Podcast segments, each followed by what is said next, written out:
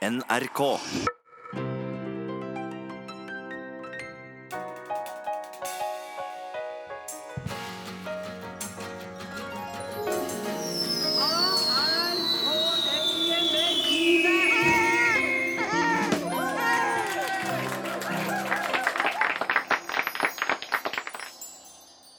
Hva er poenget med hele greia, med livet? Hvorfor skal jeg leve 80-90 år uten å vite hvorfor? Hva er greia? Er jeg en tragisk skikkelse hvis jeg ikke blir husket for noen ting? Hvis jeg bare viskes ut etter min død? Glemt? Borte? Jeg fortsetter, på tredje uka, min jakt etter mening med hele greia. Det gjorde inntrykk på meg å møte Lynn for et par uker siden. Hun har én ektemann, én kjæreste og to elskere på samme tid. Du lever som om det bare er mulig å spise fisk, du, sier hun. Tenk på alle de deilige rettene du kan få i deg. Uh, no, jeg, jeg, er egentlig ikke en one night stand kind of person. Uh, jeg liker ting som har mulighet til å utvikle seg. Og hun uh, danske presten, Sørine, som jeg møtte i København, hun snakket om å virkelig elske et annet menneske. Det er jo ikke noe større å si til et annet menneske enn 'jeg elsker deg'. Så jeg tror en av de ting man skal prøve i sitt liv, det er å si de ord.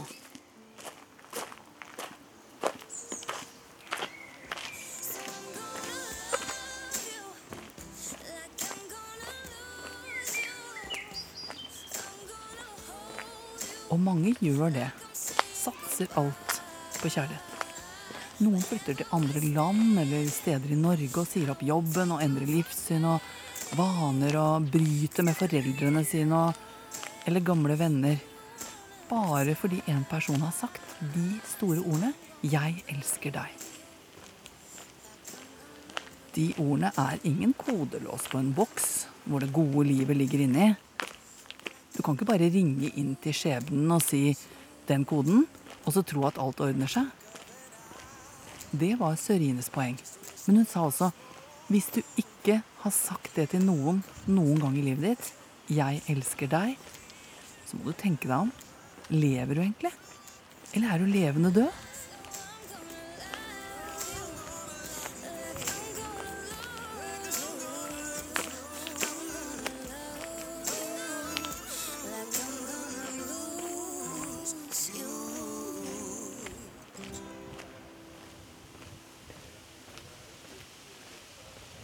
Det ble faktisk til at jeg satt og skrev litt i går kveld også.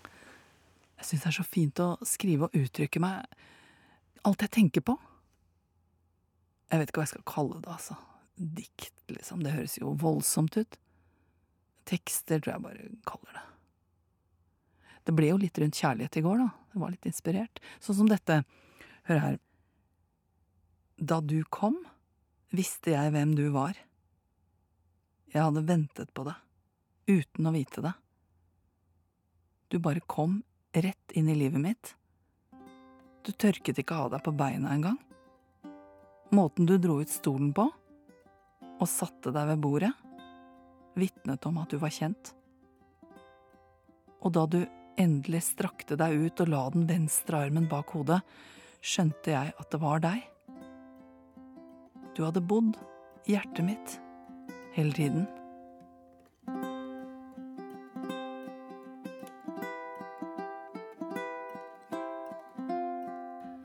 Jeg tror kanskje kjærlighet handler om gjenkjennelse.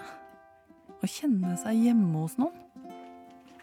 En følelse av at det er jo her jeg hører til. Her kan jeg være resten av livet. Hvor sitter Vibeke nå? Litt I dag morges bestemte jeg meg for å gå bort til sjefen min. Jeg vet ikke helt hva jeg vil med det. Det har blitt ti tekster nå. Det kunne vært fint om hun bare kunne lest gjennom det. Vibeke er veldig grei sjef. Og jeg har egentlig lyst til at vi skal gjøre noe mer med de tekstene. Hei. Hei. Du eh, Jeg har med meg noen eh, ja, du, Kan du ha tid til å se på dette her? Ja, det, absolutt. Altså, det er, det er noen sånne tekster jeg har skrevet, så jeg bare lurte på om du I forbindelse med, med serien, eller? Ja, jeg, jeg vet ikke helt ennå altså, hva det blir til det, men jeg bare lurte liksom på om du så liksom det var noe potensial i det, liksom. Jeg vet ikke. Ok, Da skal jeg bare få se på det, da. Jeg sitter jo liksom midt oppi masse medarbeidersamtaler og sånn nå, men oh, ja, dette vil jeg gjerne se på, det her, altså. Ja. Nei, Ja. men eh, kjempefint. Ja, så bare snakkes igjen, da. Skal jeg bare eh, Sender du meg en e-post, eller skal jeg Ja, eller vi bare kommer og snakker med deg, eller vi, Ja. vi snakkes i løpet av noen Greit. dager. Ja, Ja. fint. Fint. Hva var det, liksom? Hun måtte jo lure på om han klikka. Tekster. Hvorfor skal jeg vise henne det nå? Hva jeg vil med en gang. Hun var jo kjempestressa og dårlig tid. Nei, dette har jeg ikke tenkt nok gjennom, altså. Ikke noe særlig god tanke at hun kanskje tar med seg det hjem og sitter hjemme i sofaen sin og leser og tenker 'herlighet, hva er dette for noe'? Jeg har tenkt en del på de siste dagene at livet må jo være mer enn å finne den rette og ende i et forhold, og hvor du kanskje får hyggelige dager, da. Men du må jo bygge på noe annet også, du må jo få utrettet noe i livet. Jeg kunne tenke meg å sette noen spor, jeg. Ikke at jeg har fått griller og tenkt å bli poet, eller noe sånt. Men jeg tenkte på det sist gang jeg kjørte forbi den eh, Da Vinci-broen ved Ås utenfor Oslo. Den er vakker. Og det er faktisk den samme mannen som har tegnet den store stjerna ved Gardermoen. Den som man ser når man drar til flyplassen. Vebjørn Sand heter han. Han bor på Tjøme, og nå er jeg på vei til litografitrykkeriet hans på Nøtterøy. For det er der han er i dag. Jeg tror han bruker omtrent all våken tid med bildene sine. Ja. Han har ikke tid til fast kjæreste engang. Å, gud. Å, her ble det gjennomtrekk. Da jeg åpna døra Hei. Hei! Hei, hei. Smelte jeg døra? Jeg åpna det deg, og smalt den igjen. ja, ja, sånn. skvatt du. Det går bra. Vebjørn Sand har levd like lenge som meg. Og på den tiden så har han rukket å gjøre utrolig mye. Han er kunstmaler. Masse flotte, svære bilder. Henger overalt. Og noen store utendørsprosjekter. Han er rett og slett dødsflink, men det koster. Eller det handler om å prioritere hardt i livet. Han har jo ikke mer tid per døgn enn meg. Så sa jo jeg før jeg dro og Ja. til Tønsberg i dag og møtte deg, så sa jo jeg til ungene mine 'Hvor skal du i dag?' sa de.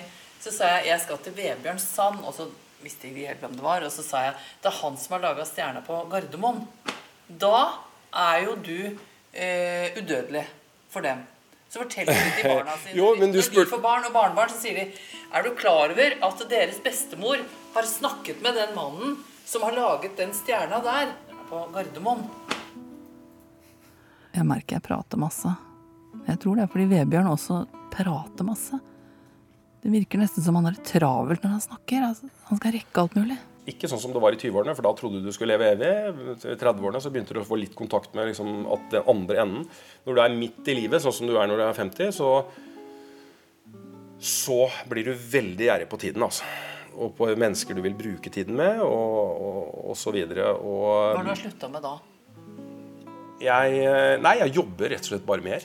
Å treffe færre venner, f.eks.? Ja, i perioder så vil jeg jobbe veldig isolert, liksom jobbe fokusert. Og jeg har jo tatt et veldig klart valg. Det tok jeg når jeg var altså 15-16 år. At jeg, jeg, jeg vil ikke gifte meg, jeg vil ikke ha barn. Jeg vil ikke ha noe som forstyrrer meg. Jeg har liksom ikke hus og bil og hytte og barn og, og bikkje og noen ting. Jeg vil bare ha et veldig enkelt liv. Jeg, jeg, har jeg, Nå leier jeg et lite burgerhus, og jeg har en seng og sted og sånn. og sånn. Jeg har veldig lite ting. Og så jeg, jeg har en sykkel, og så, og så har jeg arbeidet. Og da har jeg, kan jeg stå til i morgen, og jeg kan jobbe til klokken tolv om kvelden. Og da må jeg sove. altså Leonardo sa det at eh, hvis man er sammen med andre, så må man holde seg selv. Hvis du er, sammen, hvis du er alene, så er du helt seg selv.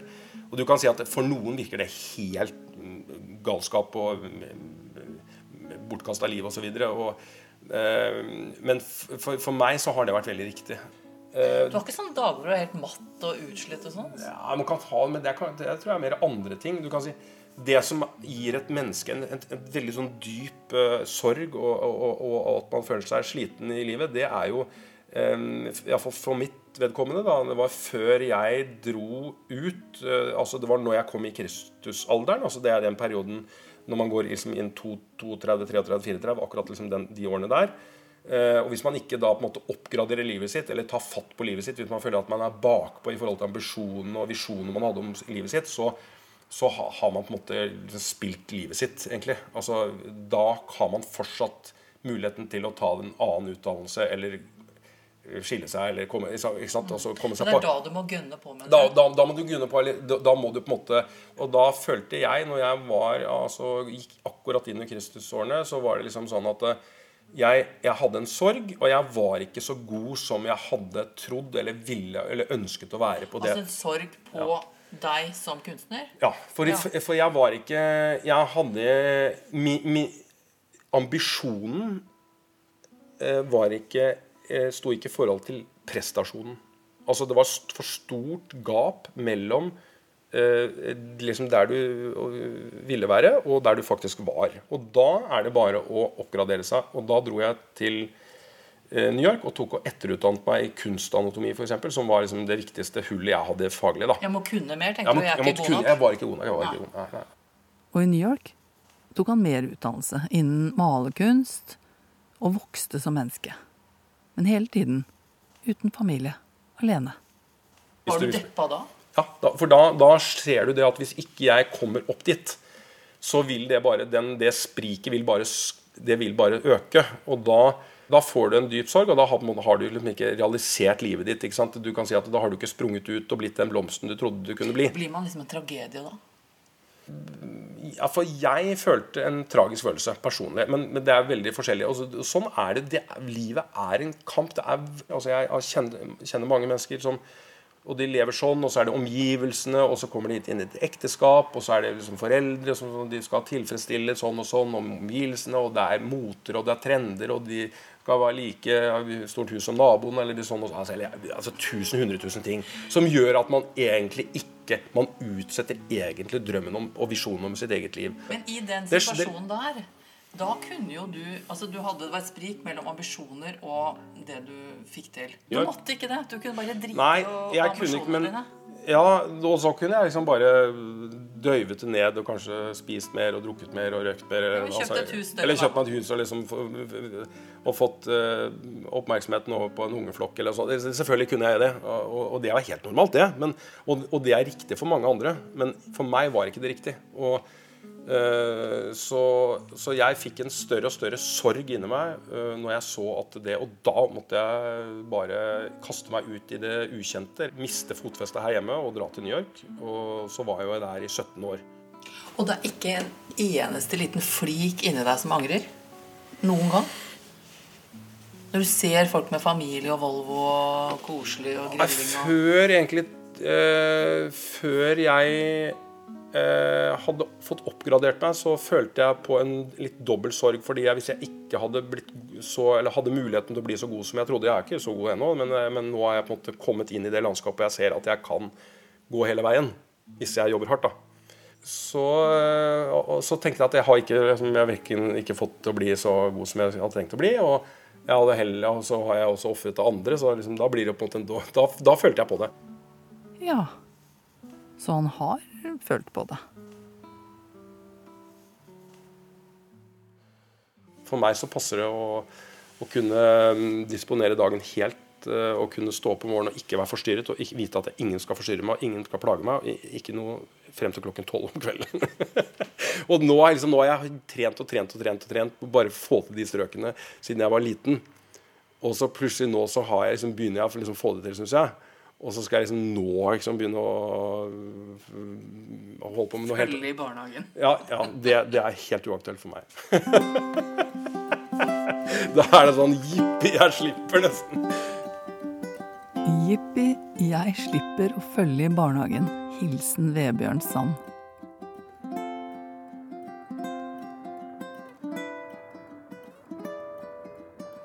På vei tilbake fra Nøtterøy så går det ikke noe buss, så jeg må ringe etter en taxi.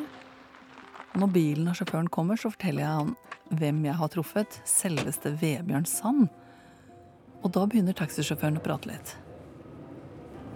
Hva sa du for noe? Du har jobba i 30 år? Ja, mer eller mindre 30 år. Ja.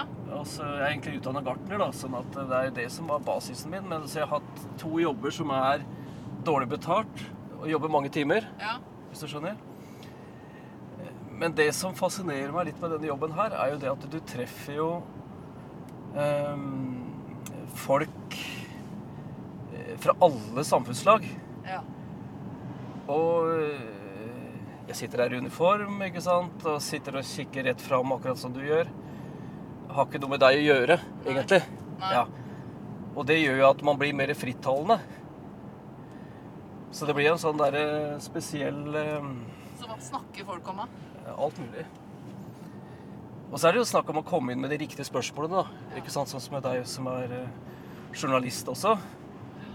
Jeg er ikke så opptatt av hva folk har som svar på de store spørsmålene. Det, det syns jeg på en måte er litt sånn eh, Det er noe som kommer i veien for eh, det som egentlig er der. Du kan kjøre rikfolk som har alt, men det er liksom når de blir sjuke, at de virkelig ser hva som er noe verdt, ikke sant? Eller Man snakker jo om fra dødens perspektiv, da. Ikke sant? Å se det fra den dagen du skal dø. Og se tilbake du du gjør det? Ja, Jeg tenker mye sånn, jeg. Ja, Hvordan tenker du da? Nei, ikke sant. Hva er det som er noe verdt? Og det kan være som å prate med deg nå, eller å sitte og se noen ting. Et synsinntrykk, eh, noe jeg hører på radioen, noe jeg er Eller menneskemøter, ikke sant. Altså, og de er bare sånne småting. Hva er det viktigste i livet ditt, da? Det er jo vanskelig å svare på, det. Jeg tenker jo liksom det der å være Å ha en familie, og at, at det går bra med ungene mine, at det går bra med kona mi, ikke sant. At, og, og, og det betyr nok egentlig mest. Det gjør det, og jeg ser jo det hører jo, Altså, jeg hører jo så mange historier i denne jobben her, ikke sant. Og er med folk som ja, og så ble mannen min pensjonist, da, ikke sant. Og hadde han vært pensjonist i to dager, og så døde han i stolen, ikke sant. Altså, altså, det er mange sånne historier. Nå skulle vi endelig ha tida vår sammen, og så smokk. Så er det gjort. Ja. Så det er litt det der å prøve å ta litt vare på de dagene man har, da. Det, det er jo et eh, et poeng.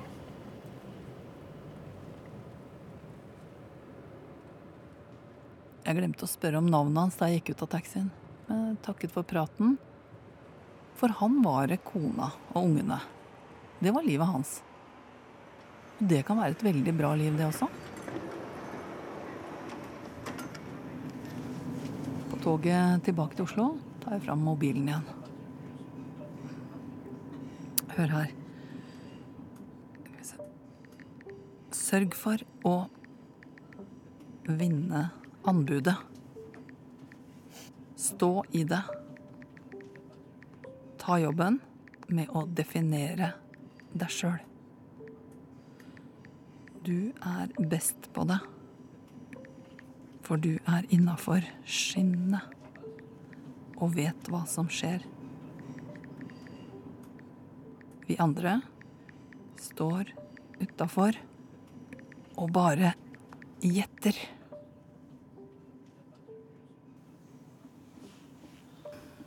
Dit jeg er på vei nå, der er det snakk om A4-liv med mann og barn. Og til og med foreldre i første etasje. Men samtidig ganske egenrådig valg av liv. Hei, jeg skulle til Sigrid. Ja, da er det neste dør. Å, unnskyld. Nei,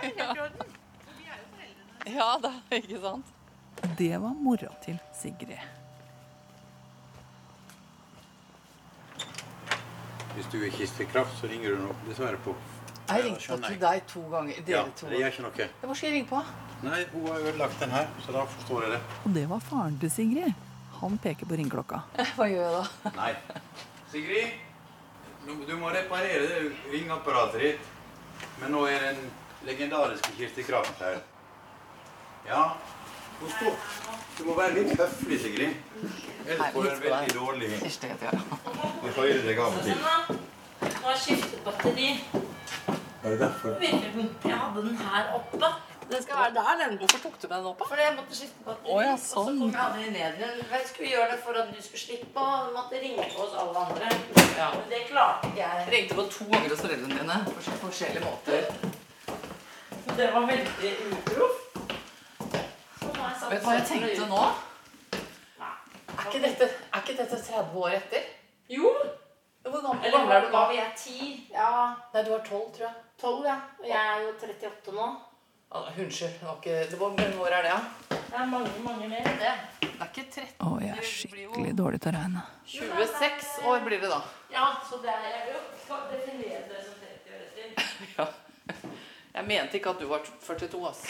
Nei, men altså, det var jo veldig Men kan jeg lage litt kaffe? Ja, hun kan lage kaffe, men jeg kommer ikke til å drikke den. Jeg liker ikke kaffe. Du, da jeg var liten, hadde jeg rundstykker til deg hele tiden. Til meg? Strek, ja, jeg stekte rundstykket opp, og du bare Ja, jeg har jo egentlig spist. Jeg bare Ja, ja, men Da jeg jobbet i barneradioen for ca. 100 år siden, så intervjuet jeg Sigrid.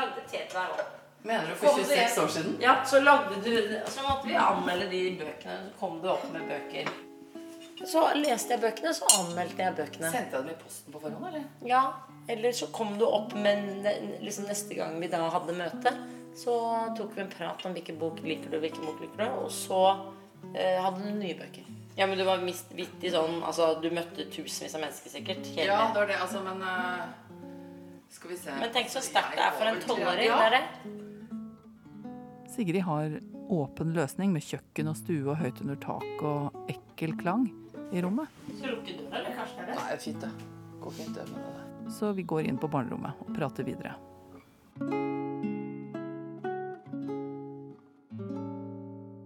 Var sånn på slutten av livet at uh, du måtte liksom gå inn på et kontor, og så Sigrid Bonde Tusvik, ja, skal vi se hvordan du har brukt livet ditt.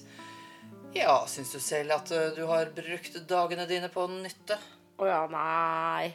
Hva ble svart da? Nei, det har jeg nok ikke. Da måtte, vi, da måtte jeg hatt noen sånn tidsvitner som sa ja, men hun hjalp meg med det. Da hun sa det, så følte jeg at det, Så det, er- det, er- regnskapet må nok opp da med at folk har blitt påvirket på en eller annen måte. Men selv syns jeg ikke at jeg bidrar. Men det, jeg har ikke den eh, Nå er jeg litt sånn fanget av at jeg plutselig ble komiker. Og det er såpass gøy og spennende, og det lever så mye. Du, du, liksom, du er på en måte aldri ferdig. Du er liksom utrygg hele tiden. Det er jo en veldig spennende jobb. Men å bidra til samfunnet som komiker bidrar litt, men ikke veldig mye. Jeg Mener at du tenker at det var det du burde gjort? Men jeg tenker, Vi er jo veldig sjalu i bransjen, så du ser på at alle andre, du føler at veldig alle andre bidrar mer. Det er ikke sånn nevrotisk som skuespilleren, men eh, er ikke så eh, lykkelig, kanskje. Jeg vet ikke. Som man skulle tro, da, siden jobben er å være morsom. Men eh, jobben er jo å vinne, på en måte, en eller annen eh, At alle syns du var morsom. Ikke det at du er morsom, du skal vinne at folk syns du var morsomst. Det er konkurransen. Men er du snill? Ja, jeg er ganske snill, ass. Føler jeg. Altså mot eh, folk, liksom. Ja, at du kan liksom finne deg i ting og Ja, jeg kan finne meg i ting. For mye? Jeg syns det er kjedelig å lage bråk. Da syns jeg er kjedelig. For det er jo veldig annerledes enn hvordan du framstår f.eks. på podkasten. Ja, der bråker vi jo. Er det noe du kan, da? Jeg mener bortsett fra å prate. Kan prate veldig mye, da. Ja, men Bortsett fra å prate. La meg si du fikk eh, knute på et eller annet og ikke kunne prate mer. Hva gjort da? Eh, nei, hva skulle det vært, da? Måtte bli litt bedre på bratsj, da. Det er det jeg må gå tilbake til bratsjen. Har du spilt bratsj? Ja, jeg spiller bratsj på nachspiel. Men bake eller eh, Ja, jeg kan bake. Herregud, det har du rett i. Kan lage mat og bake. Ja, ja, det er jeg god på. jeg følte det var bare sånn Det kan man. Men selvfølgelig, det er jo ikke alle som kan. Nei, hør nå. Eh, Du blir flyktning, må flytte ut av Norge. Ja. Til Serbia, og du kan ikke serbisk. Mm. Og så blir du flyktning der, asylsøker eller et eller annet. Mm. Og alt som har med prating og skriving å gjøre på norsk og sånn, Er borte. Ja.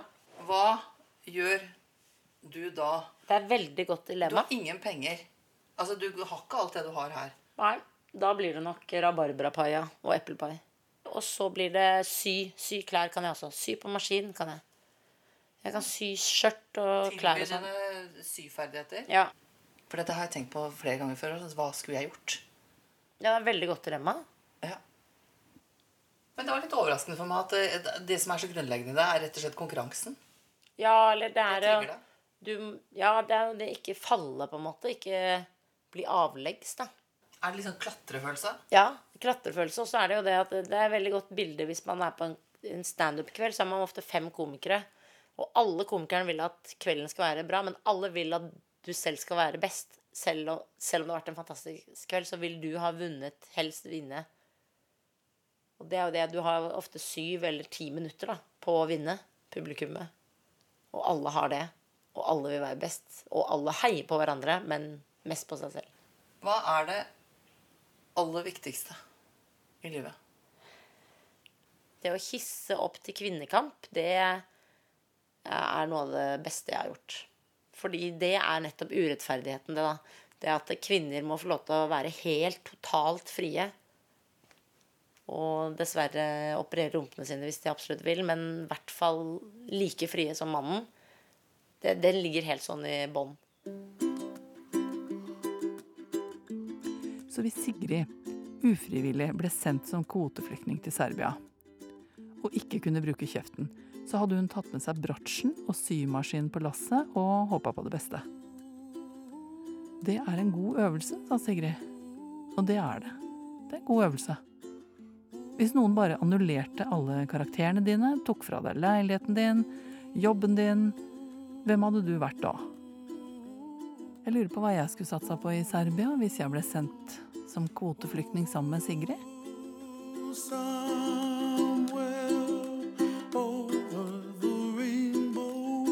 Jeg har jo symaskin, jeg også.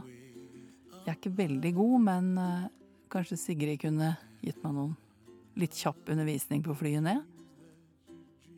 Bar bakke i livet. Det skulle vært en ny eh, opplevelsesturisme. Føl hvordan det er å være på bar bakke i livet. For å være ærlig, jeg hadde takla det ganske dårlig. Jeg hadde ikke holdt motet oppe, jeg, tror jeg.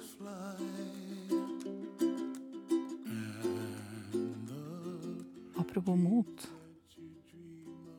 Jeg har ennå ikke fått noe svar fra sjefen min. jeg. Det syker meg litt ut, merker jeg. Jeg ser henne for meg. Sitter der hjemme i sofaen og ler og tenker. Hva er det Kirsti har funnet på nå? Dikt, liksom? Eller hva man kan kalle det. Hva er det hun vil med dette? Jeg vurderer å legge en lapp på pulten hennes i morgen. Før hun kommer på jobben. Og så bare skrive 'Det var en dårlig idé. eh, bare glem det'. Hele greia. Man kan jo leve godt uten at noen har lest diktene man har skrevet. Jeg viste dem jo til Anne Johanne på kafeen også for noen uker siden. Jeg har ikke hørt noe fra henne heller. Stillhet er ganske ekkelt.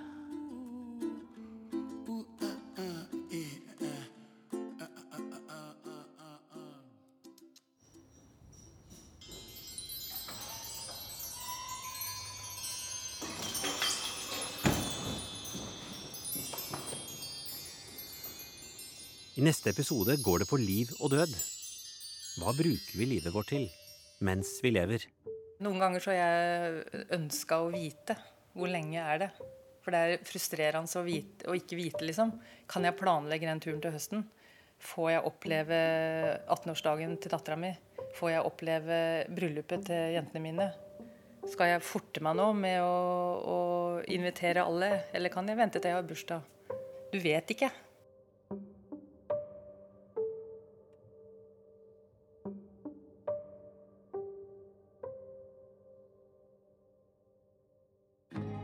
Har du et øyeblikk i livet du alltid vender tilbake til? Jeg har jo tenkt så mye på. Noe du skulle ha sagt, men som du aldri har våga å si? Den episoden der så gikk det jo over alle støvleskaft. Noe du skulle ha gjort før det er for seint? Skjønne litt mer av hvem han er, og hvorfor han gjorde de valgene han gjorde. I podkastserien Elefanten møter vi folk som ser ting de aldri før har sagt. Min far vet jeg liksom ingenting om. Og som hopper ut i det de er aller mest redd for. Dette her blir tøft og opprivende. Elefanten kommer 3. september.